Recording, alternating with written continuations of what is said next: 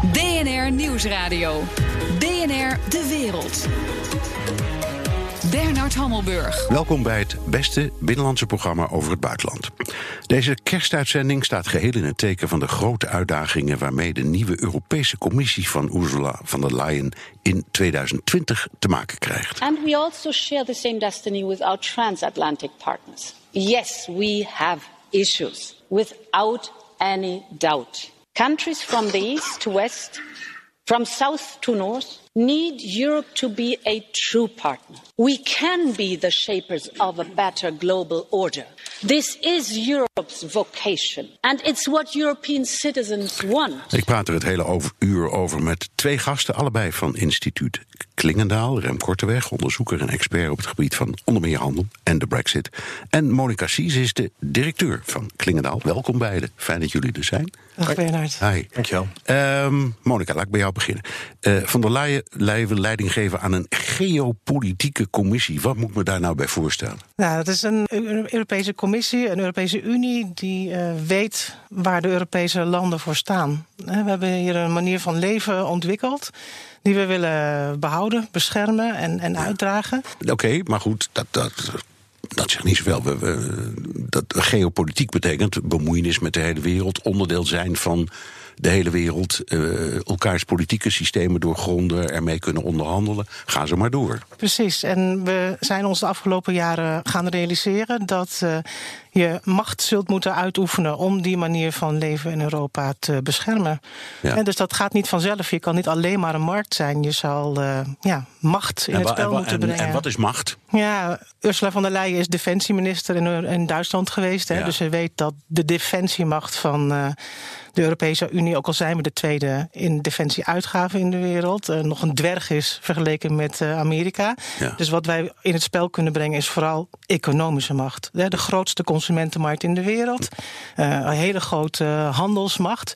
Dus zij heeft zich ook in het, wat zij, zij is haar economische zwaard als eerst aan het slijpen. Ja, en... Ze weet dat we daar in eerste van moeten hebben. Ja, nou, nou is er van alles in de EU, maar niet eenheid over alles. Dus om zoiets te doen, dan moet je toch iedereen in één spoor rukken, inclusief bijvoorbeeld Viktor Orban van Hongarije. Die moet Zeker. dat ook vinden. Zeker, maar we moeten ons niet blind staren op Orbán, denk ik. Hè, als, uh, nou ja, als metafoor grote... voor ja, anders Zeker. denken dan wij in West-Europa. Zeker, maar het maakt uh, op China grote indruk als de vier grote landen uh, in de Europese Unie zeggen: vanaf nu gaan wij elke stap ah. op het gebied van 5G coördineren. Hè, dat, dat maakt meer indruk of, dan of Orbán wel of niet meedoet. En of je daarna ook Canada, okay. Australië, Zuid-Korea meekrijgt. Komen we meteen dus, op het onderwerp handel. handel. Um, Rem Korteweg, liggen er al concrete ambities op tafel, maar je dat geopolitieke doel dan in de zin van handel kunt en wilt en moet bereiken?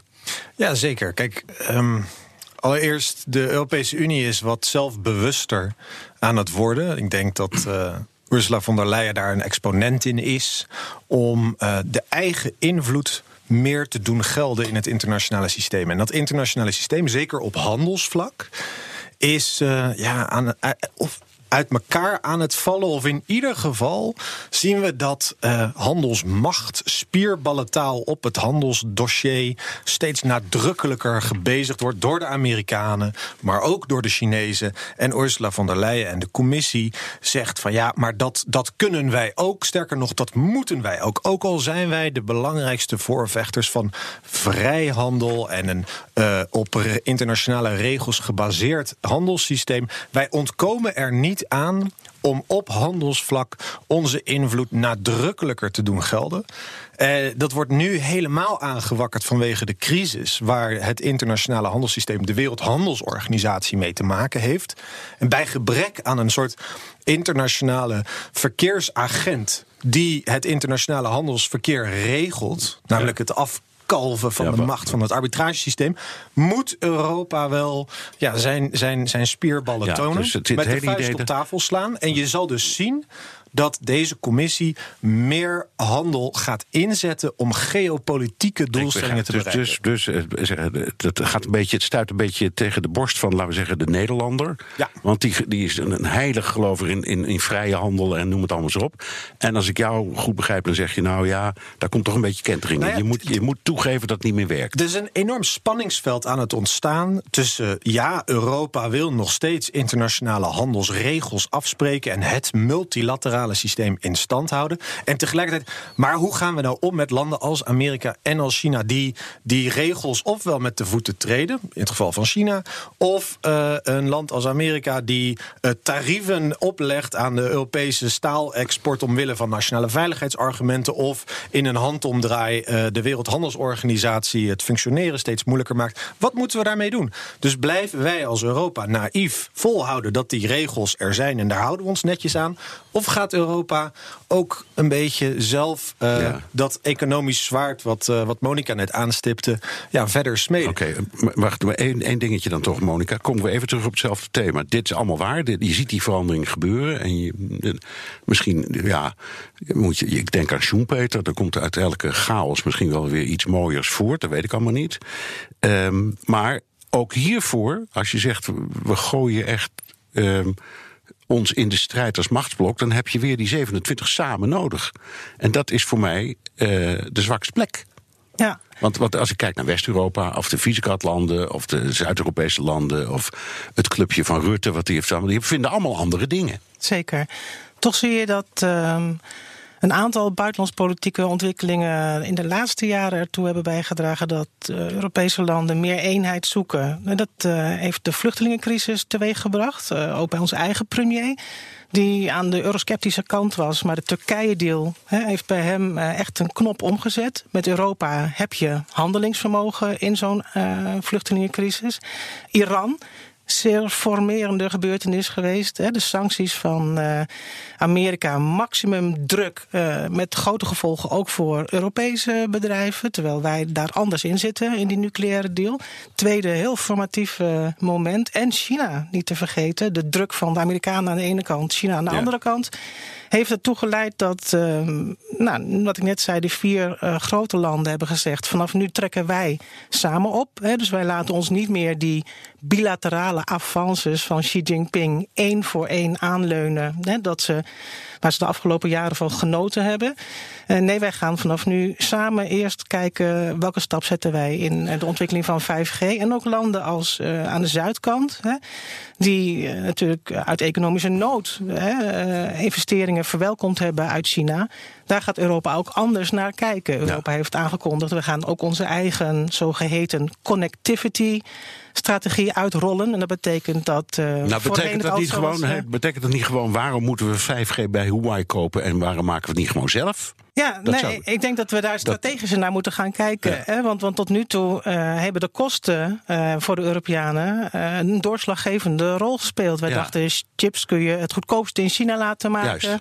Hè? Terwijl de Amerikanen al veel eerder zijn begonnen met ontkoppelen vanuit veiligheidsoverwegingen. hikt Europa daar tegenaan, omdat wij, wij dat allemaal goedkoop willen aanschaffen. Ja, Oké, okay. het, het brengt ons ook op. Maar je zal het moeten gaan wegen. Eén land hebben we nog niet genoemd. In, in, in, de, in deze nou, strijd, machtsstrijd, de ontwikkeling van de nieuwe wereldpolitiek, je hoeft niet zo negatief. Mm. Rusland, Rem. Um, zie je. Uh, op, het, op het gebied van uh, het Europese gedrag tegen Rusland ook veranderingen komen? Nou, die, die discussie wordt wel meer gevoerd. Dus uh, de Franse president Macron die heeft een interview gegeven aan The Economist. Um, zeer de moeite van het lezen waard. Is waarin dat, hij, is dat waar hij zei van de, de NAVO, de, de NAVO is hersendood? Ja, ja dat was een van de one-liners. Een ander, maar het, het was een bredere analyse over uh, het probleem waar Europa mee te maken heeft op geopolitiek en strategisch vlak. En hij um, breekt ook een lans voor een herbezinning op de relatie met Rusland. En dat doet hij vanuit een. Um, vanuit de, de, de, de analyse dat als wij niet opletten als wij die relatie met Rusland niet op de een of andere manier op een nieuwe manier vormgeven, dan drijven wij Rusland in de armen van China. Ja. En waar we dan mee te maken krijgen, is misschien nog een groter probleem: dat er een soort monsterverbond ontstaat tussen de beer en de draak. En dat we Ja. daar nog moeilijker Ja. vat op krijgen. Dat is waar in de tijd van het begin van de Sovjet-Unie. Ehm, na de Tweede Wereldoorlog is dat ook gebeurd. En daar is plotseling een eind gekomen. Nixon. Nixon, ja. Ja. Ja. Ja, maar toen stonden er ook plotseling, toen trokken de Russen zich weg uit China, stonden plotseling allemaal half afgebouwde gebouwen in China. Die niet, maar, dat kan, maar goed, eh, even daarop aansluiten. De, Chi- de, de, de Russen en de Chinezen hebben nu net, de, de- ik geloof, de grootste oliepijpleiding en de grootste gaspijpleiding geopend. De, de, de export van Russisch kool naar China is geloof ik de helft van hun totale opbrengst. Is dat waar je het over hebt? Nou, de- Er spelen De draak? Ja, en, ja en, en, en nog meer. Eh, kijk, de, ehm, wij hebben in 2014, na eh, het neerhalen van de MH17, hebben wij als Europa vrij sterke sancties opgelegd aan, eh, aan Rusland. Dat was. ehm, terecht vanwege de, de, de crisis waar we op dat moment in zaten. Maar we moeten niet blind zijn voor een van de neveneffecten die dat gehad heeft. Een van die sancties die ging over. Euro- Westerse bedrijven mogen minder zaken doen met Rusland in de olie- en gasindustrie. Met name in de offshore. Ja. Ehm, alleen voor de Rusland. Rusland is een land wat zijn economie niet wil moderniseren. Dat is hun eigen keuze. Dat gaat hun economisch eh, problemen opleveren. Hoe dan ook. Zij voelden zich genoodzaakt om dan maar de banden met China aan te halen. En je ziet dat nu de grote economische projecten met Rusland... die worden met de Chinezen gedaan. Eh, dat is aan de ene kant een soort economisch verlies voor westerse bedrijven... maar dat kan je op de koop toenemen. Het geopolitieke gevolg is dat China en Rusland... ook al zijn het ongemakkelijke eh, vriendjes... dat er steeds meer vertrouwen ontstaat in die relatie. En dat betekent dat onze sancties allereerst niet geleid hebben tot gedragswijziging van de Russen. Met ook als strategisch neveneffect dat de Russen en de Chinezen meer met elkaar zaken doen. Meer die vertrouwensbanden aan het aanhalen zijn. En ja, daar komt ook bij. Rusland is een energie-exporteur. China heeft een enorme energievraag. Ja, en die en banden die zijn ook makkelijk te maken. Ja, ja, ja. Rusland eh, exporteert drie dingen: de olie, gas en Kalashnikovs. En als ze ze niet aan ons kwijt kunnen, dan maar aan de Chinezen. Komt het neer. Zodanig. In Nederland hebben we een eigen China-strategie. Nu de EU nog. BNR Nieuwsradio. BNR De Wereld.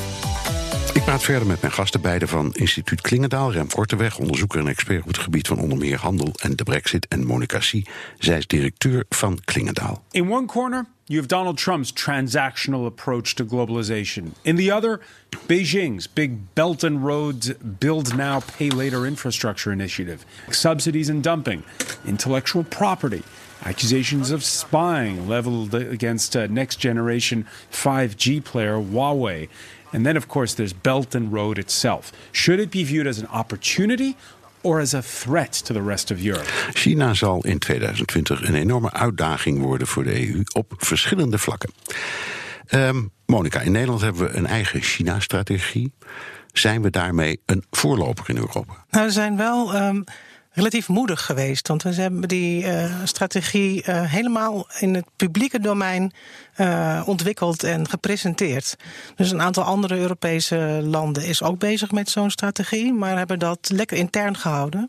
Want dan ja, voel je die druk van Amerika en China veel minder. En wat Nederland heeft gedaan is eigenlijk alle actoren die betrokken zijn, bedrijven, verschillende overheden.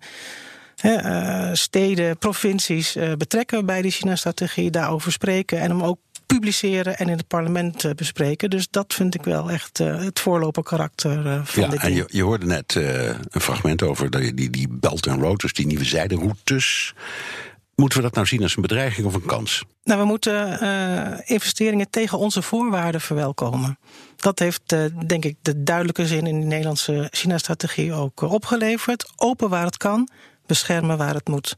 En dus wij hebben in Europa bepaalde sociale standaarden, bepaalde privacy-standaarden, bepaalde duurzaamheidsstandaarden. En investeringen zijn welkom als ze aan die standaarden voldoen. En mits het niet is in heel strategische infrastructuur of, of nucleaire Nou ja, centrales. maar dat, dat, maar dat speelt. Want Ja, de Chinezen hebben de haven van Piraeus Zeker. gekocht. Ze hebben Helemaal een deel van. Rotterdam Ja, eh, in handen. Daarbij, en daar ben je zelf bij. Ja, het is zeer de vraag dus of dat morgen weer zou gebeuren. Precies, maar, hè? maar voor de duidelijkheid. Ja. eh, Griekenland en, en zeggen bedrijven in de Rotterdamse haven hebben zelf getekend bij het kruisje. Zo is het. Alleen in Rotterdam is de grond niet gekocht. Hè. Dus in Rotterdam is een goed. deel van de container Dat is nog gewoon van- business dat is is, van- is in handen van de Chinezen. Maar, Maar de, de haven is is van koning- ons. Koninkrijk der Nederlanden. In tegenstelling tot de, de Griekse Piraeushaven. Die is voor 280 miljoen euro verkocht. dus. Onvoorstelbaar Ja. eigenlijk. Onder druk van Europa. Omdat toen Griekenland moest privatiseren. Want het moest geld verdienen in de eh, nasleep van eh, de bankencrisis, eurocrisis. Zouden we nu denk ik heel anders tegenaan kijken. Ja. Nu hebben we een screeningmechanisme voor buitenlandse investeringen in Europa. Waarin we ja, dat dus zulke strategische plekken als een haven Dus het kan eerst best gaan zijn dat, bespreken. dat, dat we nog op het juiste moment op de rem aan het trappen zijn. Nou ja, net iets te laat, hè? Want ik vind zo'n haven, eh, die krijg je nucleaire instellingen, KUKA, robotindustrie, dat, dat is eigenlijk, eh, denk ik, eh, with the benefit of hindsight niet zo Nee, geweest. Rem, wij zijn een, een, een, een relatief klein land. Niet zo heel klein als we vaak vinden. Op het gebied van handel zijn we nog best, tellen we mee. En export enzovoort. Maar zijn we machtig genoeg om, om tegenwicht tegen China te bieden? En, en, en ook nog omdat wij dan eh, het op prijs stellen... om ook nog een beetje de nadruk op de mensenrechten te leggen. Ja, ja, kijk, ehm, het is heel belangrijk dat, we, dat, dat deze discussies plaatsvinden in de nationale context. Maar je lost dit alleen maar op Europees niveau op. Ja. Je kan alleen maar op Europees niveau een investeringstoets formuleren die zin heeft. Eh, want anders dan. eh, we, we- zijn binnen Europa zo met elkaar verbonden op, eh, op economisch en op politiek vlak. Dat als land A zegt: Nou, ik wil geen Chinese investeringen in mijn haven. Maar land B zegt van nou, dat vinden wij prima. Dan we zitten met elkaar in hetzelfde schuitje. Dat zie je nu ook heel erg zich afspelen in de context van het 5G. Eh, debat. Ja. Dat wordt allemaal nationaal gevoerd. De Europese Unie, eh, onder aanvoering van de laatste Britse eh, eurocommissaris Julian King. eh, voerde die, of probeerde beleid te maken op Europees niveau over 5G. En dat lukt maar niet, want het wordt alleen maar in de nationale lidstaten gevoerd. En dan snijden we ook, onszelf in de vingers. Dan gaat land A gaat zeggen, nou, 5G is van harte welkom. Of eh, Huawei is eh, van harte welkom om hier eh, 5G eh, uit te rollen. Maar land B zegt van niet. En het resultaat zal zijn een soort versnippering van de interne markt. Het maakt het straks moeilijker misschien om, om afspraken te maken over data-uitwisseling. Als er inderdaad zorgen over zijn. En, wat misschien nog belangrijker is. Het 5G Huawei-vraagstuk, wat uw fragment ook liet zien, is eigenlijk ook een Amerikaans-Chinees ehm robbertje vechten. Het zijn de, de Amerikanen die ook ontzettend veel druk op Europese regeringen aan het uitoefenen zijn van ga niet met Huawei in zee.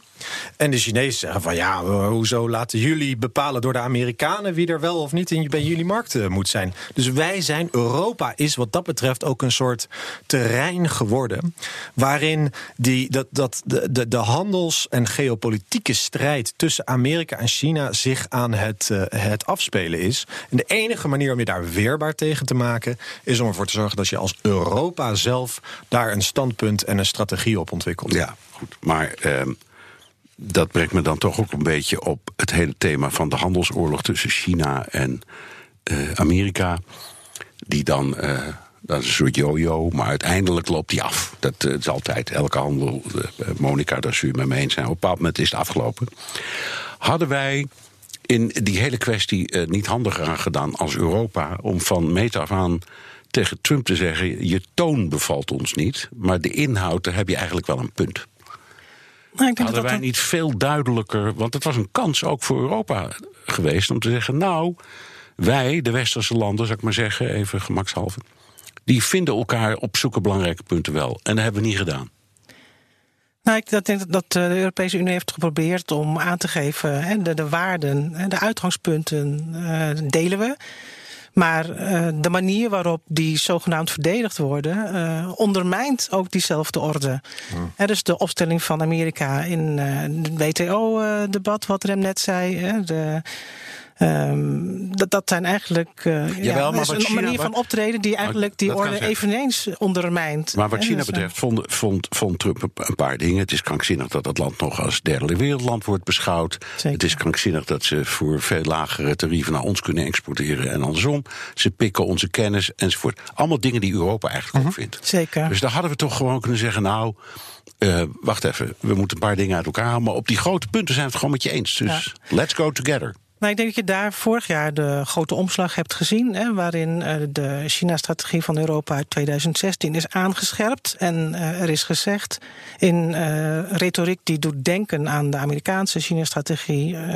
China is een, ja, een, een partner in, in klimaatbeleid, maar het is ook een competitor en vaak niet een eerlijke concurrent, want er wordt economische spionage gepleegd enzovoort.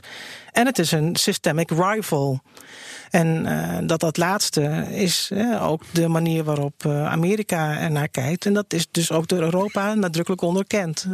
in, in die, ja, met andere woorden, we zijn het, behalve de, de toon en sommige details en de manier waarop Trump het speelt, met het, de principes wel eens. Ja, nee, we liggen helemaal niet zo ver verwijderd van die malle Donald, zou ik maar zeggen. Het zijn democratieën, ja. hè, wezenlijk. Om dat aan te vullen. Um, op handelsvlak delen wij bijna 100% de zorgen. Uh, delen wij met de Amerikanen 100% de zorgen over het Chinese gedrag. Over de staatssubsidies die worden gegeven. Over de, de, de, de technologieoverdracht die moet plaatsvinden. Over het feit dat ze zich in een, in een speciale positie manoeuvreren. Sterker nog, als je gewoon kijkt naar de landen waar de Europese Unie de meeste handelsconflicten mee heeft dan is dat China, net zo goed als dat het voor Amerika China is. Dus die diagnose die delen we. Het probleem is dat we fundamenteel verschillen over de aanpak of het beter maken van de patiënt. Dus de Amerikanen zeggen: um, wij, wij, wij, wij, ons geduld is op het hele systeem moet dan maar veranderen. Als het systeem niet wil veranderen om uh, China bij de les te houden, dan uh, trekken wij de stekker uit het, uit het, systeem. Dat zie je nu afspelen binnen de WTO. De, Europeanen die zeggen van ja, jongens, maar dan, zoals de Britten zo mooi zeggen, je kan niet de, de, de baby with the bathwater weggooien. Je kan niet um, dat multilaterale handelssysteem volledig uit het raam gooien om alleen maar dat probleem van China te erkennen. Dus ja, er is dialoog tussen Amerika en Europa, maar maar het loopt heel moeilijk. En wat het extra bemoeilijkt is dat los van de uh, Amerikaanse problemen met China en de handelsoorlog tussen Amerika en China, nemen de Amerikanen ook Europa op de korrel op handelsvlak. Trump zegt: de Europese Unie is opgericht door Duitsland om uh, Amerika te ondermijnen op handelsvlak. Precies. Trump zegt: ja. ik vind dat Europese auto-export uh, naar Amerika een nationale veiligheidsdreiging zijn. Uh, Trump zegt: ik ga tariefmuren opleggen op Europese aluminium en staalexport, omdat dat een nationale veiligheidsdreiging zijn. Dat maakt de dialoog nee, maakt het lastig. heel lastig. Ja, en dan zegt uh, Monica, dan zegt uh, Duitsland, als je, meneer Trump, als je dat vindt, moet je betere auto's maken. Dan heb je die Duitsers niet nodig. Dat is een goed argument, toch? Ja. ja.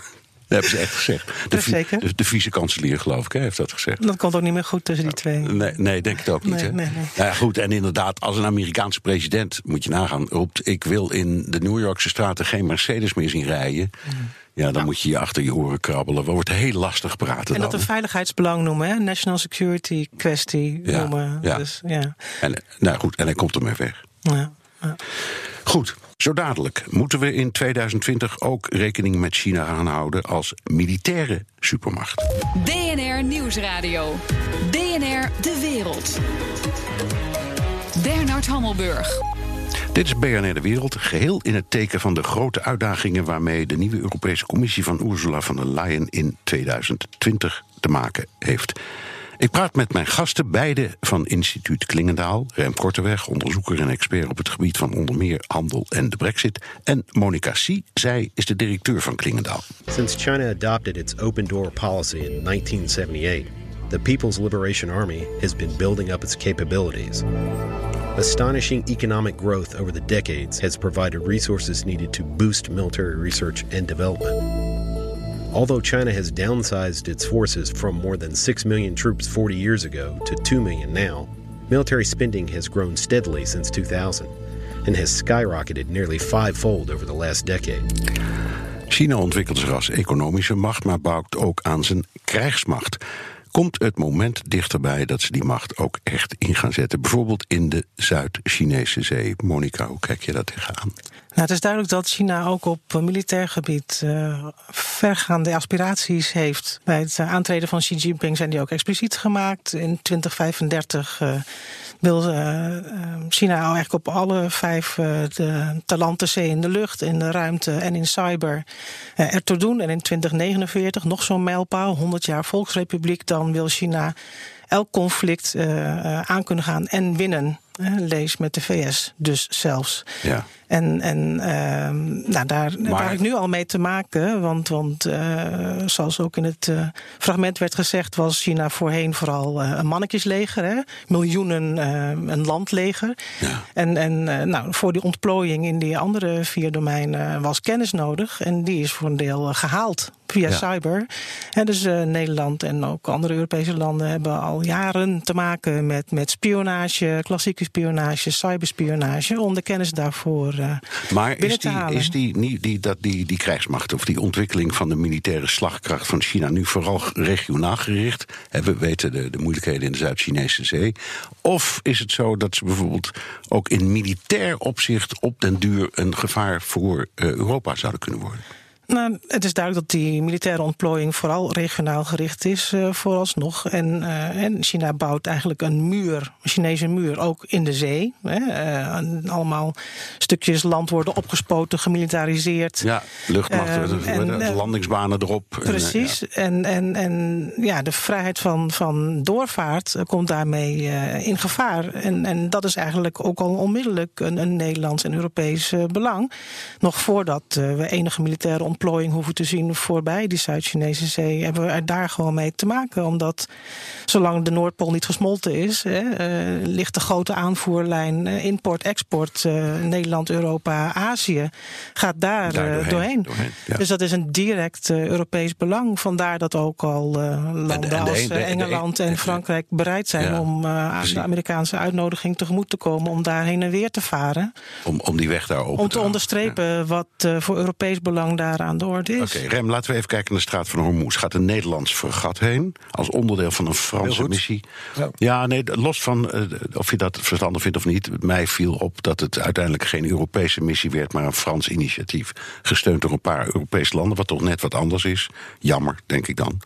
Ehm, maar eh, hoe, waar zit China in dit verhaal? Want die hebben ook eh, belang bij de vrije doorvaart van de koopvaardij. Zeker daar, vanwege hun olie. Ehm, waarom nemen zij niet het initiatief tot zo'n missie? Het korte antwoord is omdat eh, ze erop rekenen dat wij die eh, hete kastanjes wel uit het vuur halen. Ja, Hete kastanjes, hete kolen. ja, ja de kastanjes uit het vuur. Kastanjes uit. Ja. Hoe heet Eh, ze zijn, weten we niet. Oké. Maar het, het, het mogen duidelijk zijn: vier van de vijf olietankers die uit de Persische Golf varen, die slaan eh, in de Golf van Aden naar het oosten af. Ja. Die gaan naar de markten in India, Singapore, eh, Japan, Korea en natuurlijk China. Dus ja, ehm, economisch gezien hebben Aziatische landen en China voorop er belang bij dat die doorvaart ehm, vrij blijft. Maar eh, China, daar hebben we toch ook enige zorgen bij. Ik denk niet dat de Chinezen uitgenodigd zijn om mee te doen aan deze missie in Hormuz. Er is wel maritieme samenwerking tussen Europa en China. Eh, iets verder naar het zuiden van eh, de Perzische Golf, namelijk in de Golf van Aden op het gebied van antipiraterij eh, missies. Ehm, en de Chinezen hebben ook onlangs een basis geopend in Djibouti op de, de Ja. Hoorn van Afrika. Dus we, we, om het zo maar te zeggen, komen ze wel vaker tegen in dat gebied. Maar het, het blijft een ongemakkelijke partner, omdat er toch ja, zorgen zijn over: zijn ze wel te vertrouwen en willen ze wel echt meedoen? Komen ze alleen maar afkijken hoe wij het doen? Ehm, en, en, en dus krijg je te maken met het systeem van eh, free riderschap. Dat eh, ze ons de kastanjes, heet of niet, uit het vuur laten halen daar in de Persische Golf. Ja, laten we even eh, overstappen naar een, een ander klein nieuwsfeitje zo af en toe bij ons. Brexit. Ja. Heel af en toe horen we dat even wat over. Ehm, Als we nou op het gebied van veiligheid een vuist willen maken tegen de Chinezen, hoe groot is het gat dat dan wordt geslagen door Brexit, bijvoorbeeld op defensiegebied, Monica? Ja, zonder, zonder het VK hè, stelt Europa eh, op defensiegebied onvoldoende voor. dat is duidelijk. We gaan, we gaan, we gaan meteen met, van een 6 plusje naar een 4, 4 plus. Precies, dus we zullen dat samen moeten blijven doen. Uh, nu is het natuurlijk zo dat, dat veel van de intergouvernementele staat-tot-staat relaties op in, inlichtingengebied, op defensiegebied. Uh, dateren al van voor uh, de toetreding van het VK tot de Europese Unie. Zijn ook nooit zo Europees geworden als onze handelspolitiek of concurrentiebeleid. Hè. Die zijn gewoon staat tot staat. Dus die kunnen we ook continueren uh, na de brexit uh, als intergouvernementele verbanden. Ja, en we zitten nog steeds in de NAVO. Zo is het. Dus, ja, dus wat dat ja, betreft... Uh, NAVO heeft natuurlijk niet zijn, zijn werkingsgebied in de Zuid-Chinese Zee. Nou ja, als ze vinden van wel, wel. Want ze zijn ook naar Somalië geweest. En, en, en in de en afgelopen... Afghanistan was plotseling een gebied, dus het kan wel. En in de afgelopen NAVO-top, wat geen top mag heten... maar een leaders meeting in Londen is afgesproken... dat de NAVO meer zich gaat bekommeren om China. Ja. Uh, ongedefinieerd wat dat betekent, maar om daar meer discussie over te voeren. Um, ik, ik zou zeggen, kijk, het, het, absoluut valt er een gat als de Britten de Europese Unie uh, verlaten op, uh, op 31 januari. Tegelijkertijd gaat er dan een fase in dat we met elkaar kunnen gaan praten over samenwerkingsmogelijkheden. Het, het probleem zit er maar vooral in. in um, in twee of drie dingen. Allereerst, uh, het Verenigd Koninkrijk is van de Europese landen uh, de, de, de, de meest capabele of de één na meest capabele uh, krijgsmacht. En met capabel bedoel je dus breed inzetbaar, die echt um, ja, gewicht in de, in de schaal leggen. Uh, dat zij op afstand gezet worden als gevolg van Brexit, ja, dat is, dat is een strategische aderlating voor de Europese Unie, die ook steeds uh, zelfbewuster en wat assertiever wil werken aan zijn eigen defensiecapaciteit. Tegelijkertijd, de Britten die hadden er eigenlijk nooit uh, echt zin in. Dus de vraag is of ze daar altijd al aan mee hadden willen doen, mochten ze nog lid zijn gebleven. Wat je ook mist, is um, de Britten hebben een strategische blik op wereldzaken. Ze hebben uh, natuurlijk de geschiedenis de, van een wereldrijk. En dat betekent dat zij nog steeds ook belangen hebben in gebieden die ver van de Europese, uh, van de Europese continent af liggen. Onder andere in de Zuid-Chinese Zee. Het is niet verbazend dat het alleen de Fransen en de Britten zijn geweest die die vrije doorvaart-expedities uh, gedaan hebben in de Zuid-Chinese Zee. Dat komt omdat de Britten in Brunei nog een garnizoen hebben. Dat komt omdat de Fransen in, de, uh, in, uh, in, in Micronesië nog een aantal territoriale belangen hebben. Dus die twee landen die kijken met een strategische brede blik naar internationale aangelegenheden. De rest van Europa, Europa ja, hoe vervelend het is om te zeggen, die kijken toch wat. Ja, die hebben, hun, hun horizon is, is, is wat, uh, wat minder breed. En dat is, denk ik, als je de EU geopolitiek wil maken, ja, dan, dan ga je daar uh, op, op verliezen. Ja. Uh, komt, uh, de Britten die geven veel geld uit aan, aan defensie. Een van de problemen die een geopolitieke EU heeft, is voldoende geld vinden om die eigen defensiecapaciteit die ze zo graag hopen te ontwikkelen, om die ook uh, te kunnen realiseren. Um, nogmaals, ja. we moeten nog afwachten hoe de toekomst de, de onderhandelingen over de toekomstige veiligheidsrelatie gaan. Maar het is wel een zorgpuntje helemaal. Dat is misschien mijn laatste punt. Um, Brexit is een kaasstolp die alles domineert in termen van het EU-VK-debat. En dat betekent dat ook veiligheid. Ik verwacht dat veiligheid veel nadrukkelijker ook door de Britten ingezet gaat worden als een, uh, als een drukmiddel om de EU concessies te laten doen op de handelsrelatie. Dus in plaats van dat we met elkaar samenwerken en samen nadenken over grote, brede geopolitieke ontwikkelingen, zoals we het nu hierover hebben, met de opkomst van China en hoe gaan we met Trump om, zal je zien dat veiligheid als zodanig eerder gebruikt wordt als ruilmiddel in de Brits-Europese onderhandelingen. En dat is, dat is kwalijk. Nou ja, dat weet ik niet, Monica. Het geeft ons ook een kans. Want je kan zeggen, kom maar op met je ruilhandel. Wij hebben wel belang bij toch iets van de voortzetting van een gezamenlijk Europees buitenlands beleid. En dat mag best met de Britten samen, ook als ze geen lid meer zijn van de Unie. Nou, Nederland dus biedt toch, ook, biedt toch misschien ook wel een kans. Biedt Nou, Nederland, Nederland- heeft zich opgeworpen als een soort van uh, trade union. Hè, als- Zo is het, Bernard. Ja. Nederland heeft eigenlijk vanaf het begin af aan gezegd... eh, moeten we niet eh, tegelijk met het nadenken over de scheiding eh, van het VK... ook al na gaan denken over die toekomstige relatie. Uiteindelijk is dat niet gebeurd. Hè. Maar Nederland als eh, heel dicht bij het VK... eh, onder andere in zijn transatlantische veiligheidsoriëntatie... ehm, eh, is zeer ge- ja, echt, echt een bruggenbouwer eh, in, in, in, in dit opzicht. Eh, ehm, daar heb je helemaal gelijk in. Ja. Dus, En- nee, maar ik, ik zeg, want dat is. We hebben het dan over veiligheidsbeleid en de manier waarop de Britten daar, daar wellicht. Ja, mee gaan onderhandelen om ons onder druk te zetten. Maar we kunnen ook, dan zeggen we, je kunt ook omdraaien. Zeggen ja, maar we moeten wel. Het is in ons aller belang, ook van de Britten, om op het gebied van buitenlandbeleid toch iets van samenwerking Absoluut. te hebben. Absoluut. En je ziet daar ook eh, wel degelijk ook al op het, eh, op het werkniveau hè, eh, initiatieven toe. Ook op het gebied van politie-samenwerking, intelligence-samenwerking. eh, die, die, die intergouvernementele netwerken zijn zo, zo sterk. Ja. Natuurlijk, ja, dit is, het is waar ook mee heeft in haar toespraken hè, die koppeling eh, gemaakt al. eh, tussen, eh, pas maar op, hè, als die handelsovereenkomst niet goed genoeg wordt, dan zijn wij die veiligheidsactor waar je niet zonder kan. Eh, maar ik zie op de, op de werkvloer heel veel eh, ja, ehm, focus op eh, continuering van de, van de samenwerking. Zo dadelijk. De officiële uittreding van de Britten mag dan na jaren van politiek drama bijna een feit zijn. Het moeilijkste gedeelte van de Brexit moet nog komen. BNR Nieuwsradio. BNR De Wereld.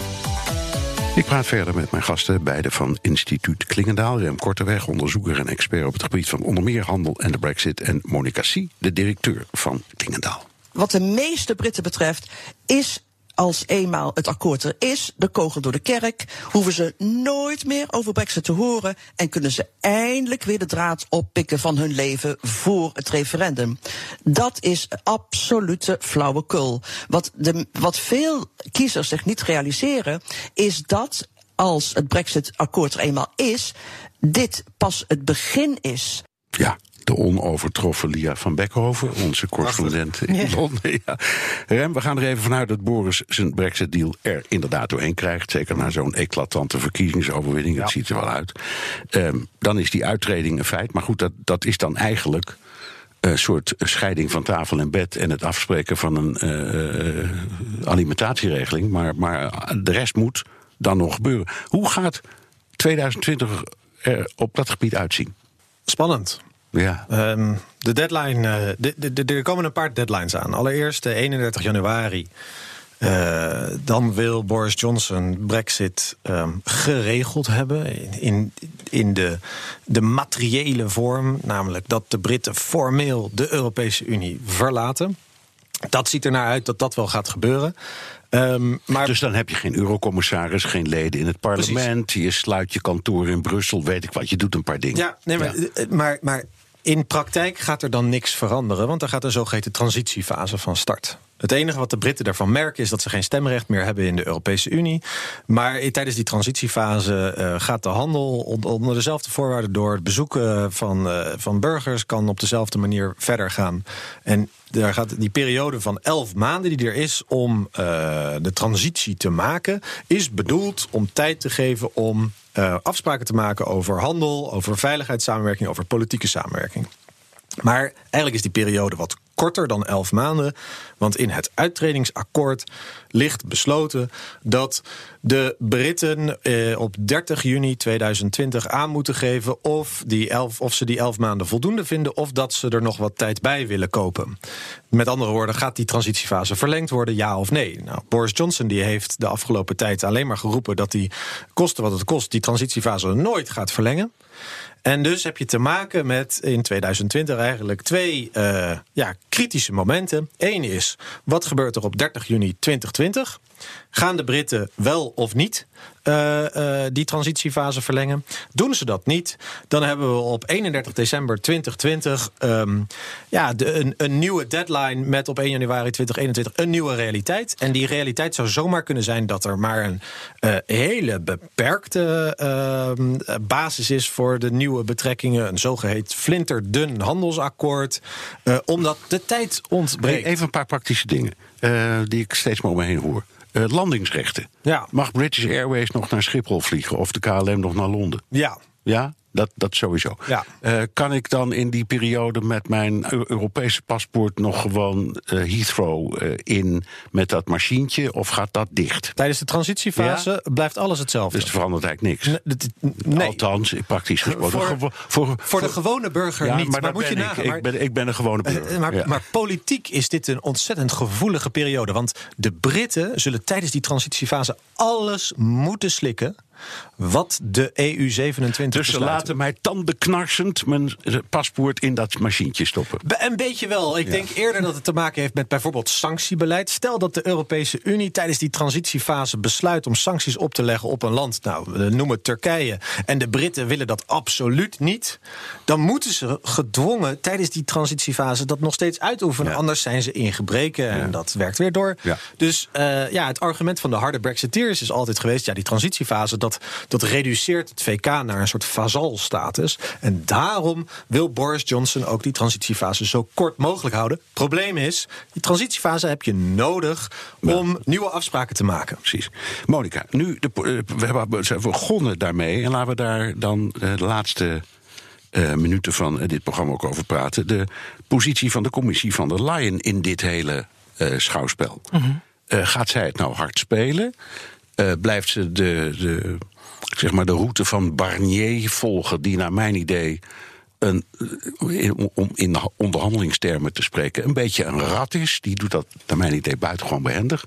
Gaan ze zo door of ga je, ga je een verandering zien? Ja, de, uh, de problemen zaten toch heel erg aan de Britse kant uh, in, in die onderhandelingen. De, ja, maar dat is ook het standpunt steeds van Barnier. Dat ja, daarom zeg ik ja. het ratterig. In feite doet hij steeds. Uh, hij zegt tegen die Britten: Ja, ik, ik denk best mee hoor, maar dat is jullie probleem. Dus als je wat wil, kom maar en dan hoor je me wel. Ja. Heel slim als je onderhandelt. Ja, aan de Europese kant heeft dat eigenlijk geen probleem opgeleverd uh, tot nu toe. Dus wat dat betreft is er geen reden om, uh, uh, om die strategie te veranderen. Nee. eenheid aan de Europese kant. het wordt natuurlijk nu wel van wezenlijk belang dat er goede afspraken komen. en daar zal Nederland een van degenen zijn die daarop stuurt. die ja, een, een diepe, veelomvattende handelsrelatie vestigen. Die op zulke belangrijke terreinen als veiligheid en politiesamenwerking een basis leggen voor goede intergouvernementele samenwerking. Ja, maar ook, maar ook kan je als student daar wel blijven wonen. Dat vind ik net zo belangrijk, want ja, dat dus, zijn de dus, geleerden van de toekomst. Het is precies wat je zegt. Er staat ja. voor Europa ook echt veel op het spel in de, het regelen van die toekomstige relatie. Ja, en wat als de EU er nou niet uitkomt met de Britten? Heeft Ursula daar een scenario voor liggen, bij jou weet? Ja, wat denk jij? Ja, ja, daar liggen scenario's voor klaar. Dat heet het no-deal scenario. Ja. Uh, dan vallen de Britten terug op, uh, op WTO-regels in de handelsbetrekkingen. Als de WTO nog bestaat. Als de, als de WTO, precies, maar dat, ja. een hele belangrijke impuls zal dat aan de Britten geven... om toch wel een akkoord te, te realiseren. Um, kijk, ik denk, even terugkomend op de, de discussie van zojuist, dat, dat er in de Europese Unie wel degelijk een nieuwe dynamiek ontstaat. nu we met de zogeheten fase 2 onderhandelingen van start gaan. Over die toekomstige betrekkingen. Je kan de EU 27 een beetje in twee groepen delen. Je hebt aan de ene kant landen die heel veel handel drijven met het Verenigd Koninkrijk, waaronder Nederland. Die hebben specifieke belangen op het gebied van visserij, maar ook op het gebied van het zogeheten gelijk speelveld. Je wil geen markttoegang aan de Britten geven... Nee. zonder dat ze daar een enorm concurrentievoordeel uit gaan halen... omdat ze als een soort Singapore on the Thames zeggen van... nou, hè, die staatssteunregels die, uh, kunnen wat ons betreft wat soepeler. En aan de andere kant heb je een groep landen... weer in het oosten van de Europese Unie... die uh, minder handel drijven... maar veel meer belang hebben bij een nauwe band... onder andere op veiligheidsvlak met de Britten. En dat is precies die, die, die, die wig die je nu al ziet gevormd worden die de Britten daarin willen rammen om ja, uh, Europa uit elkaar te spelen. Dus ja, het belang van von der Leyen zal zijn... we maken een gemeenschappelijke positie. Barnier die blijft uh, de hoofdonderhandelaar. Maar het zal toch een beetje gaan schuren binnen de Europese Unie. En net zoals in de eerste fase gaat het voor een heel groot gedeelte afhangen hoe de Britten zich opstellen. Kijk, uiteindelijk heeft het voor de EU tot nu toe redelijk makkelijk geweest. Want de Britten wisten niet wat ze wilden toen ze aan Brexit aan het uh, onderhandelingsproces begonnen. Ze, uh, hun onderhandelaars waren niet goed voorbereid. Er waren volgens mij maar twee internationale handelsexperts die nog ergens in een uh, verdwaald ministerie ja. of in een, in een ministerie verdwaald, verdwaald waren. Dus gewoon qua, qua um, ja, machtsverhouding had de Europese Unie het veel makkelijker. Het was ook makkelijker om de EU bij elkaar te, halen om, te houden, omdat de belangen gedeeld werden. Iedereen, of je netto betaler was of netto ontvanger, had er belang bij dat de Britten die eindafrekening betaalden. Iedereen heeft er belang bij dat de 100.000 Nederlanders, maar de 800.000 Polen in, uh, in het Verenigd Koninkrijk, dat hun rechten beschermd blijven worden. Die dynamiek die verandert. Dat betekent niet dat het de EU per se uit elkaar gespeeld gaat worden, maar de, het gaat wel iets meer schuren in deze tweede fase. En hier zie je ook dat Nederland uh, toch ook weer die bruggenbouwrol kan spelen. Want aan de ene kant is het met landen als eh, Ierland, Denemarken, Spanje een land dat economisch het meest geraakt dreigt te worden door de brexit. Aan de andere kant heeft het net als uh, Engeland die transatlantische oriëntatie en niet zo continentale oriëntatie in het veiligheidsbeleid. Dus Nederland kan daar die rol spelen tussen eh, economisch belang en. Hetzelfde als waar we het net over hadden, wat ja, Rutte heeft ja, geprobeerd om als het ware de trade union te worden tussen de Verenigde Staten en de Unie. Ja zou dat ook op deze manier uh, uh, kunnen. Wat is, wat is dan voor, uh, in jouw ogen, Monica, voor Nederland de beste uitkomst van die brexit? Als het nou eens allemaal wel goed gaat. Nou ja, wat, wat, wat we net zeiden, zo'n uh, diep en heel veelomvattend handelsverdrag. Uh, en, en uh, goede intergouvernementele afspraken voor continuering van de samenwerking op veiligheidsgebied, op politiesamenwerking, intelligence. Hè, um, en, en, een deel van dat werk uh, was al intergouvernementeel. Hè? En, en uh, daar, daar hebben we dus de mogelijkheid om, om gewoon door te gaan. Dat handelsverdrag uh, is, is crux, wat, wat, wat Rem net zei. Ja, dit is de laatste aflevering van BNR De Wereld dit jaar, waarin we vooruitkijken naar 2020. als we dit gesprek volgend jaar weer houden, is de brexit dan geregeld, ja of niet? Ik stel hem eerst aan Monica en dan aan Rem. Ik hoop dat dan die no-deal Brexit uh, is afgewend. He, dus dat we een goed perspectief hebben op de nieuwe relatie met ja. het VK. En wat jou betreft is dat echt wel uh, handelsrelaties en veiligheid. Hè? Dat zijn dan toch de, de de belangrijkste punten. Ja, maar bijvoorbeeld ook uh, ontwikkelingssamenwerking hè, in uh, Noord-Afrika, uh, Midden-Oosten. van ja. wezenlijk belang. Europese Unie von der Leyen is niet voor niets voor haar eerste bezoek naar Ethiopië gegaan. Ja, VK is de belangrijkste speler in ontwikkelingssamenwerking. nou, instabiel regio rondom Europa. Nog zo'n gebied waar je eigenlijk niet zonder samenwerking met het VK kan. Oké, okay. en Rem? Wat denk je? Nee, ik denk het niet. En dat heeft ermee te maken dat um, het Verenigd Koninkrijk is een te groot, te belangrijk land om uh, te denken dat uh, als we zomaar een paar afspraken met elkaar maken, dat het dan geregeld is. Het, de relatie tussen de Verenigd Koninkrijk en de Europese Unie, wat er ook gebeurt in de onderhandelingen die nu de komende twaalf maanden van start gaan, zullen ja, telkens het zullen, zullen vereisen dat, dat we daar als Europese Unie, maar ook als nationale lidstaten aandacht aan blijven schenken. En er zullen als het zo is dat er geen dik handelsakkoord op tafel ligt op 31 december 2020, dan zullen we ook die losse eindjes aan elkaar moeten gaan knopen. We zullen uh, afspraken met elkaar moeten gaan maken. En uh, de consequentie zou wel eens kunnen zijn dat als er een dun handelsakkoord met de uh, Britten is, dat de Britten de, de banden met de Amerikanen aan gaan halen en dat we in een touwtrekwedstrijd komen met Washington over waar gaat Londen heen bewegen. Ja, het is duidelijk dat zowel de Donald als de, de Boris daarop afstreven. Dank voor dit gesprek. Rem Korteweg, instituut Klingendaal onderzoeker en expert op het gebied van onder meer handel en de Brexit. En Monica C., directeur van Klingendaal. Tot zover BNR De Wereld voor vandaag en dit jaar. Terugluisteren kan via de site, de app, iTunes of Spotify. Reageren kan via een tweet naar BNR De Wereld of een mailtje naar dewereld.bnr.nl. We zijn er volgende week weer in 2020. De beste wensen.